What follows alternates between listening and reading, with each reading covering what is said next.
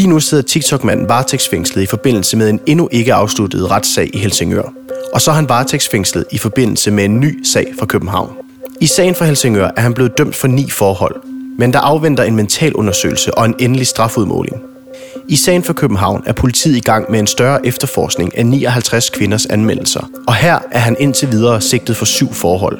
Og begge dele kan tage flere måneder. Så lige nu kan vi ikke gøre andet end at vente. Men spørgsmålet er, hvad sker der egentlig lige nu bag murene, mens vi venter? Det forsøger vi at undersøge i det 10. og indtil videre sidste afsnit af TikTok-manden. En podcastserie produceret af Mathias Pedersen og Karina Muriel Mimon på Loud.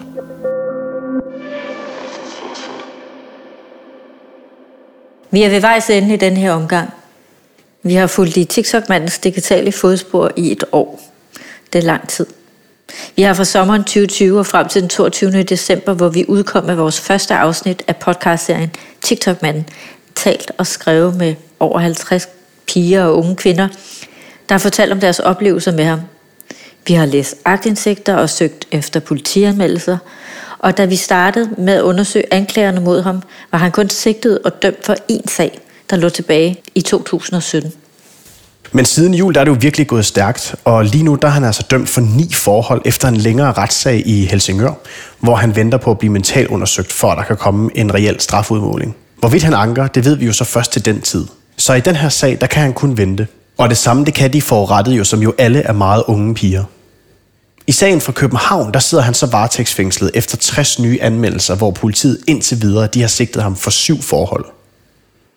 De 60 anmeldelser, der senere er blevet reduceret til 59, da der er en, der har trukket sin anmeldelse tilbage, er alle forurettede, der er fundet sammen i en gruppe på Facebook.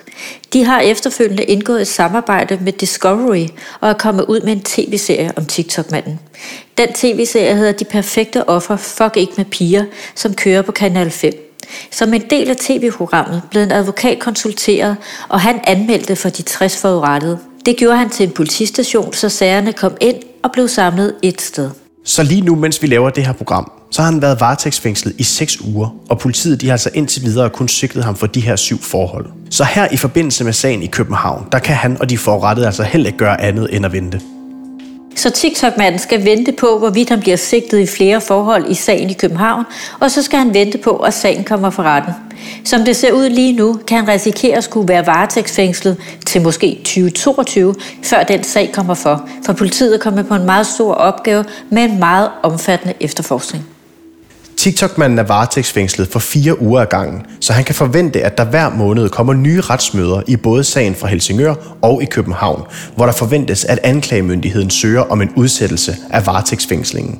I sagen i København, der kan han forvente, at der vil komme flere sigtelser, hvis vel og mærket politiet kan finde beviser nok. Så lige nu er alle i en venteposition. Så imens vi venter på retssagen, så har vi forsøgt at undersøge, hvad er det, der sker lige nu, og hvad kan alle forvente, der kommer til at ske. Vi har i den forbindelse taget kontakt til Flemming Kærside, som er kommissær for NC3, Rigspolitiets cybercrime-enhed.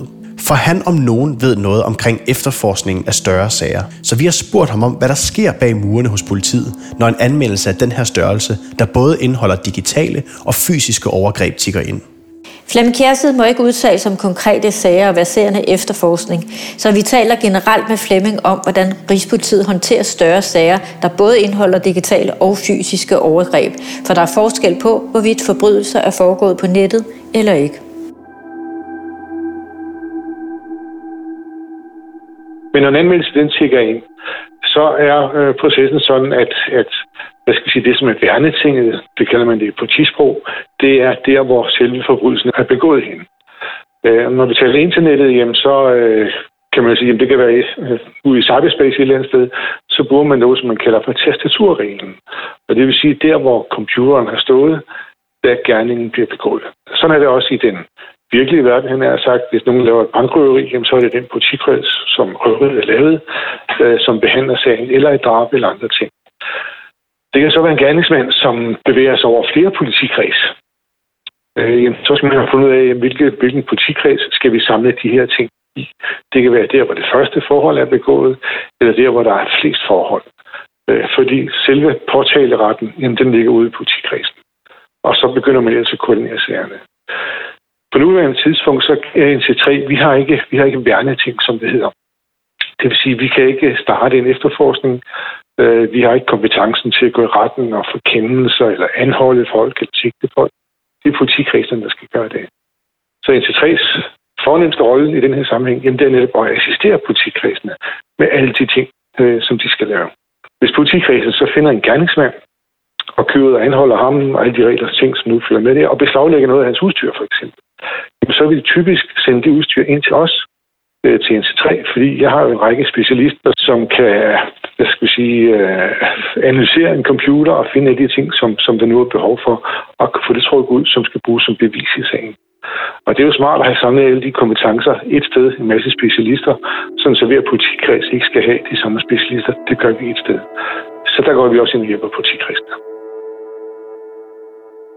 Vi ved fra sidste retsmøde i Københavns Byret, at TikTok-manden har fået renset et lagerrum og sine digitale enheder. I den forbindelse blev der blandt andet fundet en notesbog med kvindenavn i, og så blev der fundet sexlegetøj. Men de har også fået adgang til hans digitale enheder. Det havde de allerede tilbage i januar i forbindelse med en anmeldelse, der var sket i 2020. Men hvad skal der egentlig til, før politiet kan få lov til at rense en mistænkt hjem og digitale enheder? Det spurgte vi også Flemming Kjær side om. Vi skal have et mistankegrundlag. Vi skal have en mistanke om, hvis vi får identificeret den her gerningsmand og siger, jamen det er Peter, der sidder i øh, Roskilde og gør det her. Så for at gå ud og banke på hos ham og gå ud og, og rense af hans ting, så skal vi have en dommerkendelse. Og igen, det er politikredsen, som skal gå i retten og få den her dommerkendelse. Så vil man præsentere sagen for retten og sige, at vi har den her sag, vi har den pige, som har anmeldt det her sag, Øh, der er sagt sådan og sådan, og politiet har de efterforsket sig øh, frem til, at gerningsmanden, det med høj sandsynlighed, er ham, som bor i Søndergade nummer 7. Øh, og det vil dommeren så kigge på, og så vil han vurdere, ja, det er, der er en god grund til mistanke, og så får øh, politiet en dommerkendelse til, at de kan gå og rense hos gerningsmanden. En del af de kendte anklager mod TikTok-manden er foregået på de sociale medier. Vi ved, at han har brugt Snapchat, hvor det, der bliver lagt ud, normalt forsvinder igen, hvis det ikke gemmes manuelt. Vi ved også, at der har været dialoger over Messenger og TikTok og Instagram. Selvom politiet ligger inde med den mistænktes digitale enheder, så kan de altså ikke garantere, at den mistænkte ikke aktivt selv har været inde og slet noget. Det betyder i teorien, at som en del af efterforskningen skal politiet kontakte de sociale medieplatforme for at få hjælp til at tilgå data. Men er det nemt at få de sociale medieplatforme til at samarbejde? Det har vi spurgt Flemming Kjærsid om. Jamen, øh, det vi kalder for de etablerede platforme, de er faktisk øh, rimelig gode til at samarbejde. Øhm, men der er forskellige måder at samarbejde på. Dem, som er i, det, er, det er nemt at arbejde med, med, med platforme, som er i Danmark. Det er man ikke så mange af. De fleste platforme, som vi har, de ligger i USA. Facebook, Twitter, Insta, Snap, øh, you name it, de er det over alle sammen. Men dem er vi jo nødt til at have et vist samarbejde med, fordi vi skal bruge dem i vores efterforskninger. Hvis vi får en anmeldelse om, at der er foregået noget på en platform derovre, så vil vi jo gerne have fat i de oplysninger. Og det er ikke sikkert, at vi kan få det lige umiddelbart. Det første, vi kan gøre, det er, at man kan bede denne platform om at sige, vil I godt være søde og fastfryse de oplysninger, som ligger hos jer. Vi kan godt være sikre på, at de ikke bliver slettet i hvert fald. Og det gør platformen, der har vi øh, 90 dage til at få de her oplysninger fastfrosset. Vi kan da få det forlænget til 180. Så får vi det fastfrosset, og så skal øh, politikredsen typisk i retten at have en dommerkendelse for, at platformen skal udlevere de oplysninger, som politiet gerne vil have. Og det er jo efter de regler, som findes i den danske retsplejelov, der skal være grund til at antage, at de oplysninger, der, der ligger, er, er beviser mod gerningsmænd osv. Øh, det er sådan, det foregår, øh, hvis vi det internationale samarbejde på det område. Det tager lidt tid, øh, fordi der er forskellige øh, instanser, som nogle ting skal igennem, og også få dommerkendelsen og få den oversat og, øh, oversat og alle de ting, som, som, som man nu skal gøre. Vi er lidt heldige på det område, når, hvis det handler om digitale sexkrænkelser mod børn. Fordi øh, der er sådan et kodex inden for den branche, at det er der ingen anden, der vil være med til, og det vil de hellere end gerne være med til at opklare. Så der får vi så rent hurtigt de oplysninger, som vi gerne vil have. Altså dels, hvem står bag en profil, og også hvis det er muligt, den, øh, det indhold, øh, den kommunikation, der nu har været, i de billeder, som er sendt. Jeg tror, at vi uden at kontakte politiet først kan konstatere, at de er travlt med de 59 anmeldelser. Og som vi selv har oplevet, så dukker der jo ofte flere frem, når historier af den her slags kommer ud i medierne. For pludselig er der flere, der tør stå frem. Det oplevede vi blandt andet, da vi udkom med vores første syv afsnit. Der fik vi nemlig løbende mails fra nye kilder på den mailadresse, vi oprettede til formålet. Og hvis det samme sker i forbindelse med det nye tv-program på Discovery, så kan vi måske forvente flere anmeldelser end de 59 anmeldelser, der er i forvejen. Lige nu sidder TikTok-manden varetægtsfængslet. Det er ikke muligt at få opløst, i hvilket arresthus han sidder. Hans forsvar, Glenn Verding, har, han har fortalt, at han sidder for sig selv i 23 timer ad gangen, og han kun har en times gåtur. Vi har talt med Dorte Annette Hansen, der har arbejdet i Vesterfængsel. Først som fængselsbetjent og sidenhen som souschef og overvagtsmester. Vi har spurgt hende om, hvad der sker bag murene, når man bliver anholdt og varetægtsfængslet. Vi gør opmærksom på, at Dorte Annette Hansen taler generelt om livet bag murene, og ikke om TikTok-manden og hans sag. Typisk vil du blive låst inde og få et håndklæde og en tandbørste og en kam, og få at vide, at du skal ringe på klokken, hvis det er, at øh, du skal på toilettet. Og det er det. Øh, der sker ikke så meget andet. Du har været hos politiet, du er blevet visiteret og har fået taget alle dine personlige andele, som er farlige at have et fængsel. Dine penge har du også taget fra dig. Man må ikke have penge i danske fængsler. Øhm, så du har ikke rigtig noget. Du sidder der i en tom celle, og du får selvfølgelig også udleveret sengelindet og en dyne og en pude. Og så handler det basically bare om at overleve det første stykke tid. Få kontakt til personalet, få, få de mest, altså livs, alle livsfornødenheder på plads. Og det, alt skal jo gå igennem personale. Du kan jo intet selv. Hver gang du skal noget, skal du ringe på klokken. Og i hvert fald i Vesterfængsel, der er der to personale til cirka 30 fanger. Så det, de personale kommer ikke lige et minut efter, du har ringet på, typisk. Men selvfølgelig er personale der for at hjælpe dig, og er der nogen, der skal have besked om, at du er blevet sidder i Vesterfængsel, eller at du godt vil have sendt tøj ind, eller noget andet, så hjælper vi med det i den rækkefølge, man nu kan nå det. Fordi der er mange øh, indsatte, der skal serviceres på sådan en afdeling ikke? med mange behov. I retssagen i Helsingør, hvor han er blevet dømt for ni forhold, blandt andet voldtægt mod mindreårige, der har dommeren anmodet om en mentalundersøgelse, inden hun ønsker at lave en strafudmåling. Det samme skal ske i sagen i København. Afhængig af, hvad den mentalundersøgelse vil vise, så kan der være tale om tre forskellige scenarier.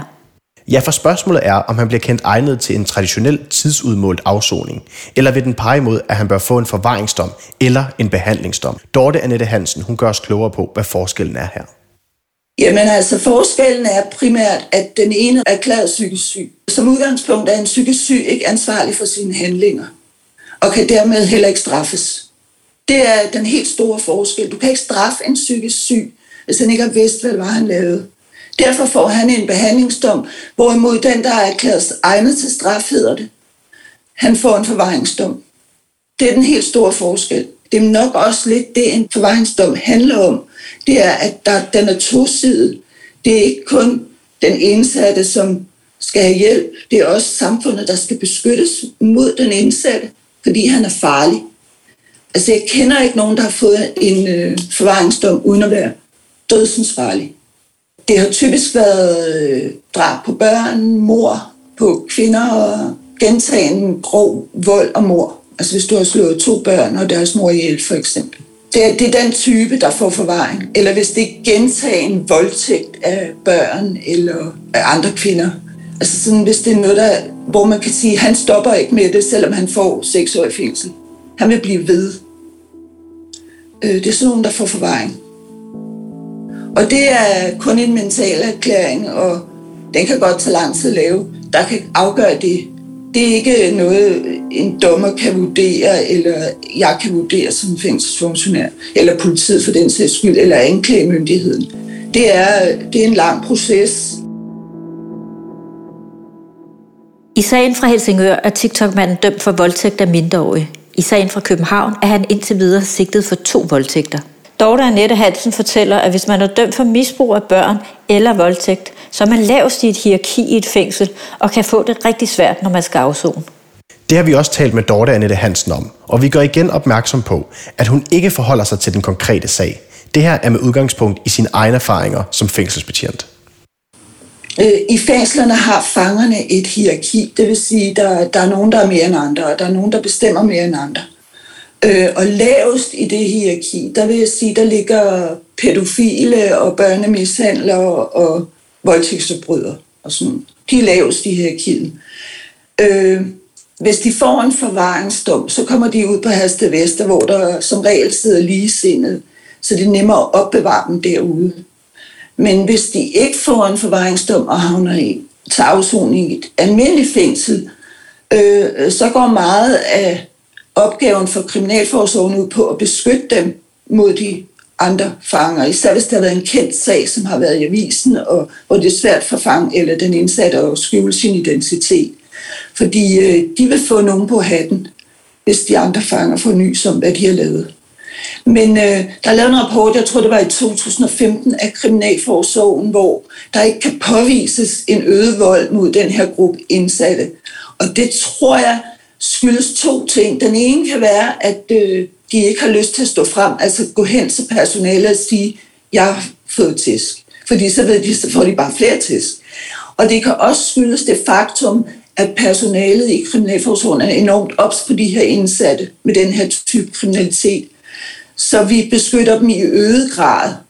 Og det vil sige, at vi forhindrer ofte, at der kan ske noget. Så, men, men, men der er ingen tvivl om, at de får en hård tid, og de vil ikke være, de vil ikke få mange venner. Så mange af dem beder om at komme i frivillig isolation. Det vil sige, at de frivilligt bliver på deres celle. Det er ikke øh, kriminalforsorgen, der beder dem om at blive inde. Altså, jeg har nogle gange rådet nogen til at gøre det, men jeg har, det har ikke været min beslutning. Det har altid været en indsattes beslutning, om man skulle blive inde på cellen så meget som muligt. Og øh, det gør 9 ud af 10. Altså, de kloge bliver inde på cellen, hvis de Det er jo ikke kun TikTok-manden, der lige nu sidder og venter. Det samme gør de 59, der står bag den store anmeldelse i København. Fordi man anmelder, at det jo ikke slut. For nogen er der noget helt nyt, der starter op her, og den del kræver mod. For der er ingen tvivl om, at det de 59 forurettede nu skal igennem, på ingen måde er nemt. Først skal de igennem en afhøring og en efterforskning, og alt det, der skete, det skal ribes op og vendes rundt. Og så skal de altså, hvis politiet vælger at rejse en sigtelse, igennem en retssag – hvor deres historie bliver fremlagt og endevendt. Vi har talt med Karoline, der tilbage i 2019 anmeldte en mand for voldtægt. Hun har været igennem hele den proces, som de 59 for rette nu kan risikere at skulle igennem. Hun var for retten ikke kun én gang, men to gange. Første gang blev han dømt skyldig, anden gang blev han frikendt. Og af den årsag har vi valgt ikke at gå i detaljer med den hændelse, der førte til Karolines anmeldelse, men i stedet valgt at fokusere på hendes oplevelse med retssystemet.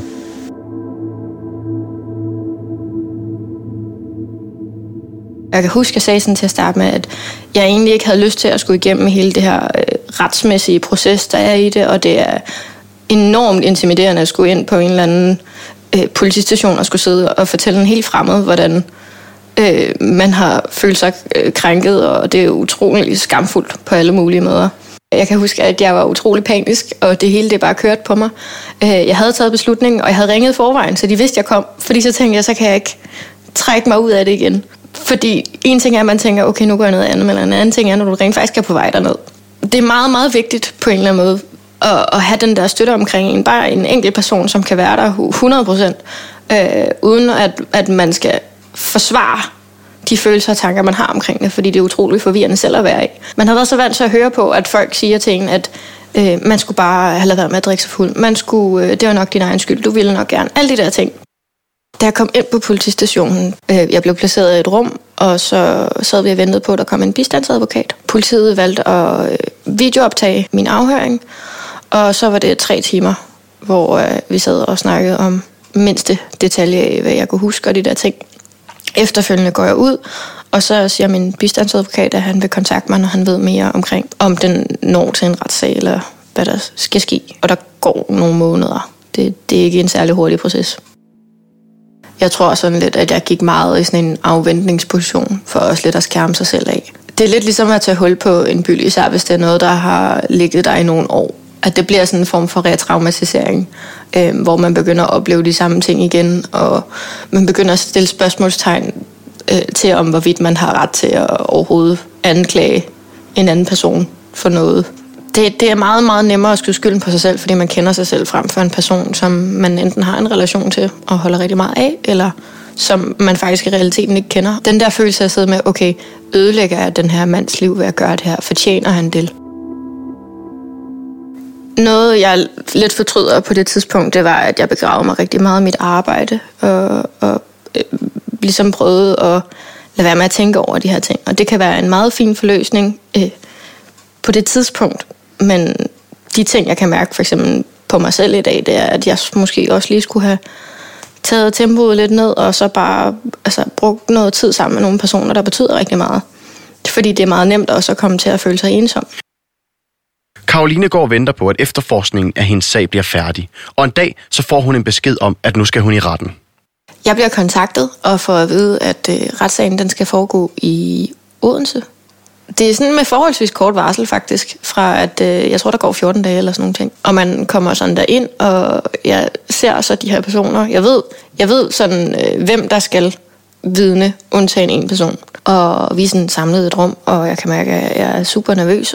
Der er mulighed for, i mange tilfælde, hvis man beder om det, at øh, den tiltalte bliver sat i et andet rum, eller på en eller anden måde øh, ikke sidder lige op i dit ansigt. Fordi når du kommer ind i de der retssaler, det er meget, meget lille rum i mange tilfælde, og du sidder måske med to meters afstand fra personen, du sidder og snakker om. Og det er ikke en særlig rar følelse. Og da Karoline kommer ind i retssalen, så ser hun for første gang den tiltalte siden episoden i 2017. Jeg så ham faktisk lidt indirekte, fordi jeg havde jo øh, bedt om at helst at faktisk få ham fjernet fra lokalet. Han sad et andet lokale og kunne høre med. De øh, øh, ville så gå med til, at han kunne sidde på tilskuerpladsen. Så da jeg går ind, der kan jeg sådan se ham ud af øjenkrogen, men jeg kigger ikke på ham.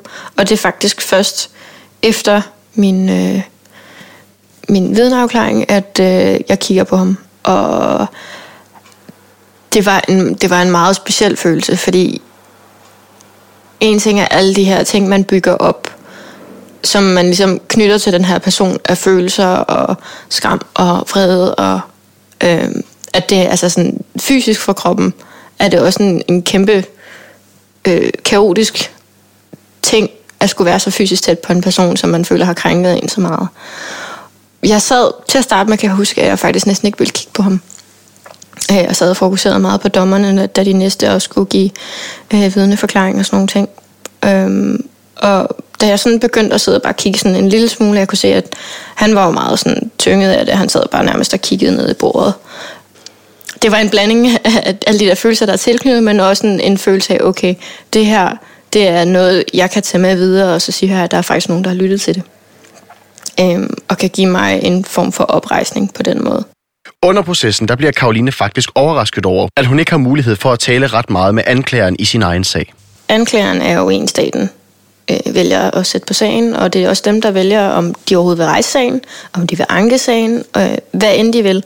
Og noget af det, jeg faktisk blev allermest overrasket over, det var faktisk, at den her sag, som handlede om, altså sådan, hvor det her, det var sket for mig, det blev til noget, jeg slet ikke havde var herre over. Altså det her, det er anklageren, der bestemmer alt. Det er, øhm, du ved i realiteten ikke, om du får en god eller en dårlig anklager, eller hvad der bliver sagt om. Hvis jeg måske havde ønsket, at han havde spurgt ind til det, eller et eller andet. Den der korrespondence er der ikke. Jeg snakkede med, med ham i, øh, i pausen inden der med votering og alle de der ting, hvor han så du ved, fortalte om, han synes, det gik sådan her, og hvad man selvfølgelig kunne forvente af alle de der ting. Men ellers var der ikke noget, alt foregik igennem min advokat. Vil du godt have haft mødt anklageren inden retssagen? Helt sikkert.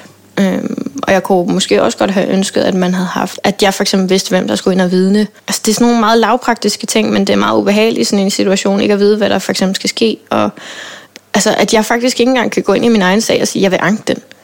Altså, sådan, det, har jeg, ikke, det har jeg ikke ret til. Det er, det er udelukkende staten, der, der bestemmer det. Og det, det var jeg meget overrasket over. Øh, at føle mig som et vidne i min egen sag. Jeg var, måske kan man kalde det uheldig, at stå over for en forsvarsadvokat, som faktisk var kvindelig, øh, og som tog nogle af de ting, jeg sagde, og, og vendte det til den her skyld og skam. Da hun kommer til den afsluttende konklusion, der begynder hun at stå og tit om, for eksempel, om så er man ung, og man er sammen med en masse mennesker, og altså sådan på den måde. Og det kan være en utrolig ubehagelig øh, følelse, fordi det er lige netop alle de der tanker, som man er så bange for, at andre folk sidder og tænker. Og som der også er rigtig mange, der gør øh, i sådan nogle her sager.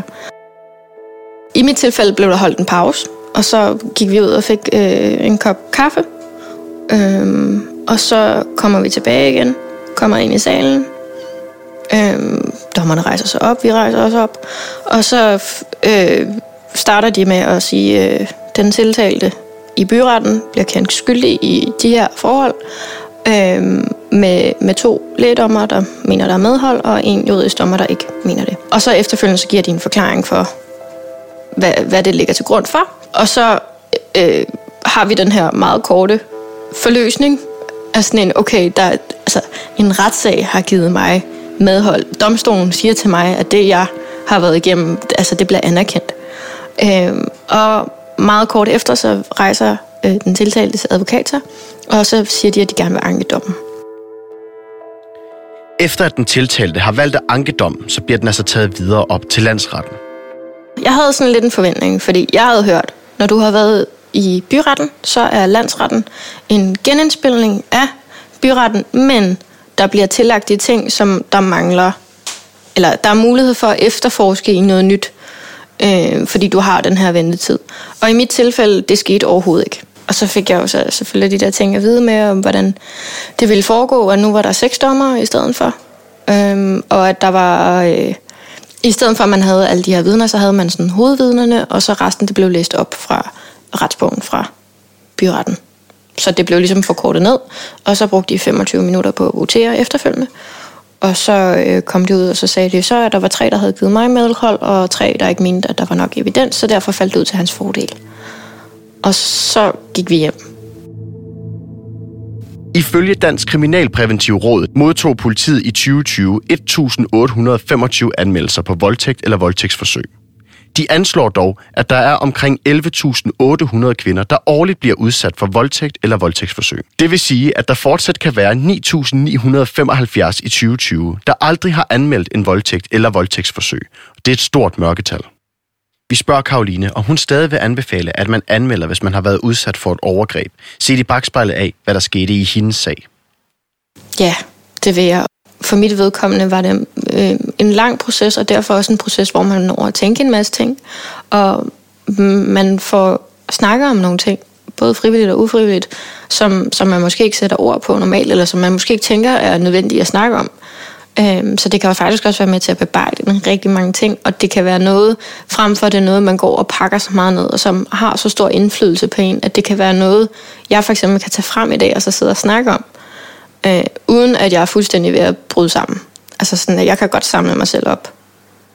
Øh, og det er noget af det, der har givet mig en, en form for øh, ejerskab i min egen historie.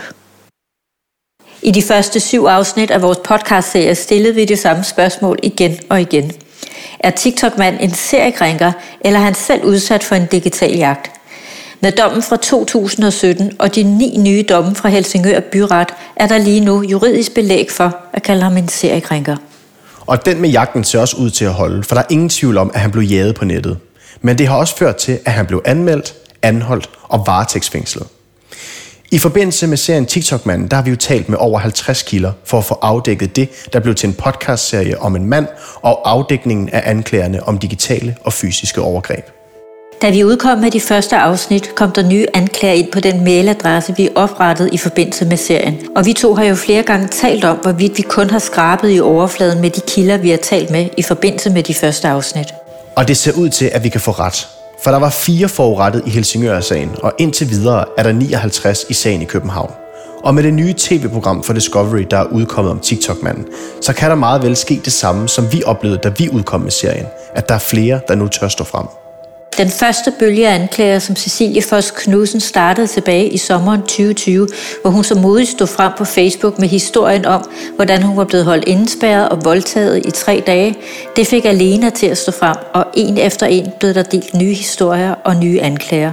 Det er indtil videre endt ud i ni domme, 59 nye anmeldelser og en kommende retssag. Og hvem ved, Mathias, om det stopper her? Du har lyttet til TikTok-manden, en podcastserie produceret og tilrettelagt af Karina Muriel Mimong og Mathias Pedersen på Loud. Lyddesign, musik og mix af Peter Christian Sejersbøl, og i redaktionen var Agnes Vest. Du kan skrive til os på tiktokmandens radioloud.dk. Har du været udsat for digitale krænkelser, så anbefaler vi, at du kontakter børnetelefonen på 11 61 11. Har du været udsat for fysiske krænkelser, så anbefaler vi, at du kontakter politiet.